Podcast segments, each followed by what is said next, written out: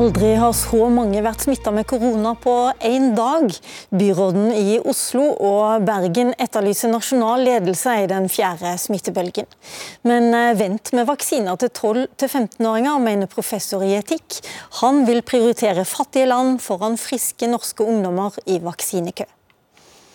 Ja, velkommen til Politisk valgkvarter, som i dag også er 20 minutter. Aldri før gjennom pandemien så har smittetallene vært så høye som i disse dagene. I Oslo, Bergen og Trondheim snakkes det om smittesporing som er i ferd med å knele, og testkapasiteten er sprengt. Du etterlyser nasjonal ledelse du oppi dette, Lubna Jafri. Du er fungerende byrådsleder i Bergen. Hva er det du vil høre fra helseminister Bent Høie som du ikke bare kan bestemme sjøl? Det er strategien knyttet til eh, TISK og hvordan man skal eh, utøve TISK-kapasiteten. Altså det som går på testing, eh, karantene, smittesporing og isolasjon. Og Det er fordi at den strategien den hadde vi tidlig i pandemien for å forhindre sykehusinnleggelser. Og for å forhindre at mennesker som var særlig sårbare, ble smittet og eventuelt også døde. Og også de eldre.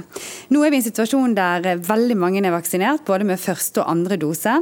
Samtidig så har vi ekstremt høye smittetall, de høyeste siden pandemien startet.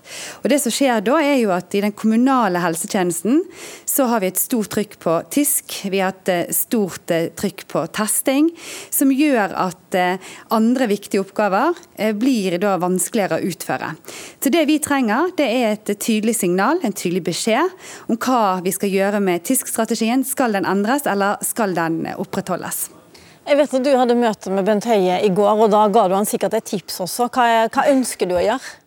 Vi ønsker en tydelig beskjed. Eh, og det som er Beskjeden vår er vel at eh, nå må man da Vi skal selvsagt gjøre ting som er faglig tilrådt, og det vet jeg at FHI og Helsedirektoratet jobber med. Vi ønsker ikke å gjøre noe som ikke er tilrådt faglig, men vi trenger en beskjed om vi skal opprettholde TISK. Og Det har vært beskjeden hittil.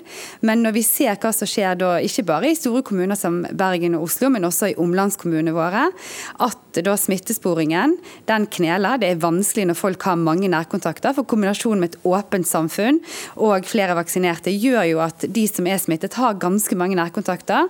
Og Da må vi få en tydelig beskjed. Skal man endre strategien? Skal vi smittespore alle, eller skal vi smittespore noen spesielle grupper? Og skal da befolkningen ta et større ansvar for å faktisk varsle sine nærkontakter? For vi trenger eh, kapasitet i de ordinære helsetjenestene våre. Vi ser f.eks. at i denne smittebølgen så er det flere som er innlagt på vår lokale koronaklinikk. De er ikke innlagt nødvendigvis på Haukeland eller på Haraldsplass. Og Da må vi også ha kapasitet til å ta vare på de pasientene som nå blir syke. Ok, Her står Bent, eh, helseminister Bent Høie, og da lurer vi på kan Bergen, Oslo og de andre slappe litt mer av på den smittesporingen nå for å finne alle nærkontaktene? Ja, Vi har hatt veldig gode møter både med, med Bergen og med Oslo. og Vi har fått innspill for også fra Molde, som har vært i samme situasjon. Eh, og dette, Vi gjør jo nå noe som vi ikke har gjort før, og vi skal gjøre dette sammen. Eh, så vi jobber nå, har jobba veldig det siste døgnet med de eh, innspillene som vi har fått fra kommunen som har skoene på, og De vil få klare svar på dette i løpet av dagen i dag. Ok, Det var et mye klarere svar som Espen Nakstad ga i Dagsnytt 18 i går. og Han sa at eh, nå er det ikke så viktig med smittesporing, eh, nå er, testingen og vaksinene viktigere. Ja, det er, jeg helt, enig i det? det er jeg helt enig i. Vaksine er nummer én eh, prioritet nå. Og så har byrådslederen i Bergen et veldig fornuftig innspill til oss på dette, som jeg deler vurderingen av, nemlig at det er ikke eh, riktig nå å bruke f.eks. helsepersonell til å ringe til folk som allerede er vaksinert og som ikke skal gjøre noe, selv om de har vært nærkontakt, når det eventuelt går på bekostning av f.eks. å ha en skolehelsetjeneste som fungerer når barna er tilbake til skolen, eller å ha en god eldreomsorg og god hjemmetjeneste. Så, så Derfor har vi behov for nå å eh, justere TISK, sånn at den passer bedre med den situasjonen som vi nå er i. Så jeg er helt enig i de vurderingene av prioritering som også byrådslederen her tar opp. Er det sånn at folk vet hva de skal gjøre eh, nå, Lubna Jeffrey? Sånn at eh, hvis dere slutter å smittesporet. det betyr at det, det ikke er lenger skal være noen fra kommunen som ringer til folk som er vaksinert f.eks. og sier at eh, nå må du gå og teste deg. Vet folk hva de skal gjøre? Altså, Vi har ikke gitt beskjed offisielt at nå skal man slutte slutte og ring, altså ta kontakt og sånt. Det gjør jo smittesporene våre, men vi gir også en beskjed til de som har fått påvist smitte, at de må også ta ansvar sjøl. Men vi ringer jo så fort vi kan. Eh, og så langt så har vi da ringt alle de som eh, er blitt smittet, og også nærkontakter. Men det tar jo mye lengre tid når det er så mange som er smittet i Bergen. Og da kan man ikke sitte og vente på at smittesporene skal ringe deg. Da må du velge enten selv å gå i karantene hvis du mener du har grunn for det, eller så må du da eh, ta og gjøre den vurderingen hvis du f.eks. er fullvaksinert. Så er jo det retningslinjer og regler knyttet til dette. Men vi, ja, vi bare la meg avbryte litt, for Det er jo ikke bare smittesporing vi snakker om. Dere har f.eks. nå innfør, gjeninnført denne regelen med maks ti personer eh, i private hjem, i hvert fall som ikke er vaksinert, fullvaksinert. Og dere har også gjeninnført karantene på skolene. Eh, Ønsker du at sånne regler egentlig skal være nasjonale, siden du etterlyser nasjonalt eh, lederskap?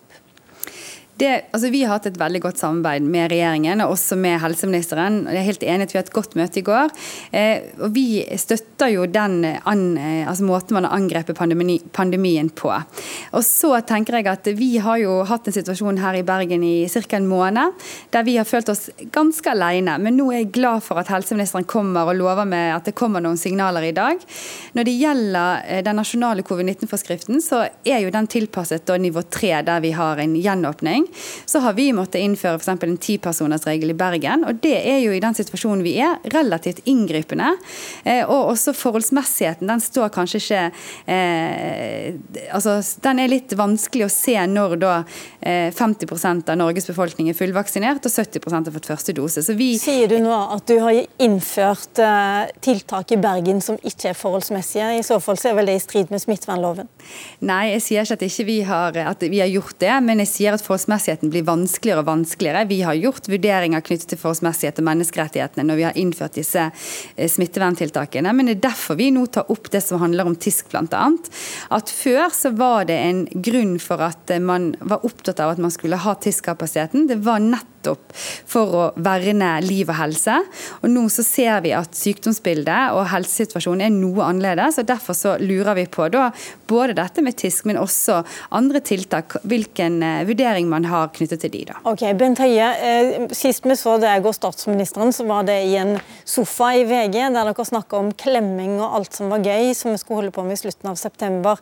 Det var egentlig samme dagen som Bergen innførte strenge tiltak.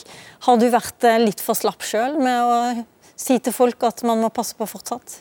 Nei, og eh, sist dere så meg, det var på en pressekonferanse etter oppslaget i VG, der jeg fortalte at regjeringen hadde beslutta å forskyve videre gjenåpning av Norge. Nettopp på bakgrunn av situasjonen i Bergen og andre steder. Men hvorfor så, føler de seg så alene, da? Eh, nei, jeg opplever nok egentlig at vi støtter veldig opp. og Folkehelseinstituttet og Helsedirektoratet har jevnlig kontakt med kommunene. Men jeg forstår at vi er nå i en ny og mer en annen situasjon. og Det er det vanskelig for kommunen å håndtere, og det er òg nytt for oss. Men vi kommer til å gi kommunene i dag enda tydeligere veiledning når det gjelder hvilke tiltak som er forholdsmessige i denne situasjonen. For Det er òg en vanskelig avveining. Nå er det i all hovedsak smitte blant eh, barn og unge. Og vi ønsker jo ikke veldig inngripende tiltak mot den gruppen. For vi vet jo nå, og det har vi jo nå smertefullt erfart, f.eks. det å stenge ned fritidstilbud og eh, ha veldig store restriksjoner på muligheten til å gå på skole for denne gruppen. Det har òg store helsemessige konsekvenser for en gruppe som i utgangspunktet ikke er så eh, sårbare for smitte. Så Dette er en avveining, men vi må eh, fortsatt tenke på at vi har tiltak i Norge.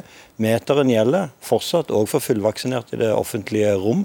Vi er på trinn tre. Vi har ikke gjenåpna Norge. og Jeg vil appellere nå veldig sterkt til at Eh, vi kan ikke ha den samme smitteøkningen framover som det vi har sett de siste døgnene.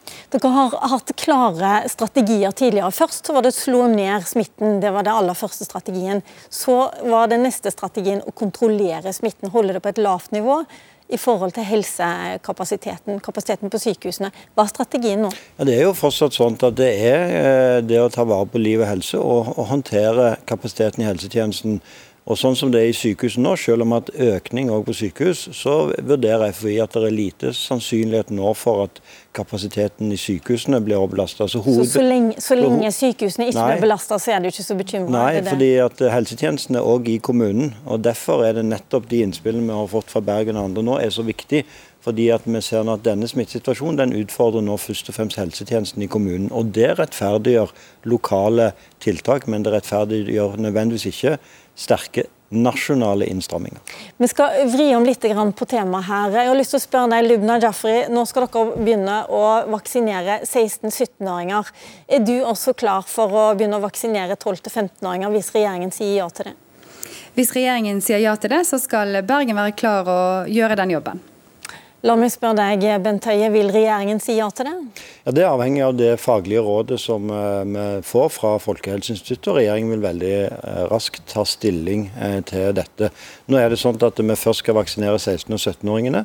og Så skal vi gi et godt svar på 12-15-åringene når det er i god tid før det er aktuelt å vaksinere de. Men det kommer til å gå veldig raskt hvis vi sier ja, for nå har vi heldigvis mange vaksiner i Norge. La oss eh, hente inn noen eksperter som kan hjelpe deg med det rådet. Men eh, først skal vi høre på noen ungdommer som går på Foss videregående skole, der smitten virkelig brer om seg nå. Det er veldig mye eh, snakking og veldig mye nervøsitet rundt å få korona. Det går veldig mye rundt hvem som er smitta, og man lurer på om du har vært i kontakt med personen, om du på en måte blir den neste da, som får korona. Ja, Det var ungdommer fra Foss videregående skole.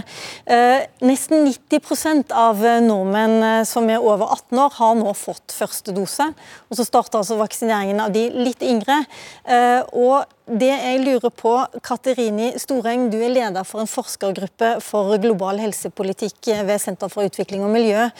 Hvorfor sier Verdens helseorganisasjon nei til videre vaksinering, først og fremst i en tredje dose til voksne?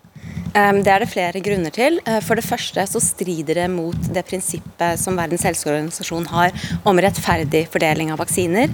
For mens eh, land som Norge går mot fullvaksinering, så er det veldig lav vaksinasjonsdekning i mange andre land. F.eks. 2% i Afrika. For det andre så er WHO bekymret for at eh, lav vaksinasjonsdekning i noen land vil medføre større fare for nye og farligere varianter. Og For det tredje så er man bekymret for at man ikke har nok vitenskapelig bevis for å anbefale en tredje dose. Og derfor har WHO Hva betyr det egentlig? Nok vitenskapelig? At det ikke er Ja, De sier altså at man må, En tredje dose vet man ikke helt eh, hvor mye det hindrer smitte. og Derfor har WHO anbefalt at eh, rike land som Norge bør vente kanskje to måneder til ca. 10 av verdens befolkning er vaksinert, før man vaksinerer. Pga. de tre faktorene jeg nevnte. En tredje dose kan bli aktuelt i Norge, for det har i hvert fall danskene allerede bestemt eh, at det skal innføres. Men det vi også vet at regjeringen nå vurderer, som Bent Høie sier her, det er jo vaksine til 12-15-åringer. Sier eh, Verdens helseorganisasjon noe om det også? De har vel vært forsiktige med å komme med generelle råd om eh, vaksinering mot barn, nettopp fordi man venter på flere data.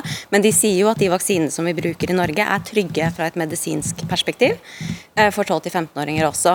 Men likevel har WHO anbefalt akkurat som med tredje dose, at man venter med å vaksinere eh, barn i, eh, før en stor nok andel av verdens befolkning har blitt beskyttet for å kunne beskytte mot farligere varianter. Ole Fridtjof Norheim, du er professor du i etikk ved Universitetet i Bergen. og Du satt i det utvalget som eh, egentlig bestemte den norske vaksinestrategien, eller i hvert fall kom med innspill om det.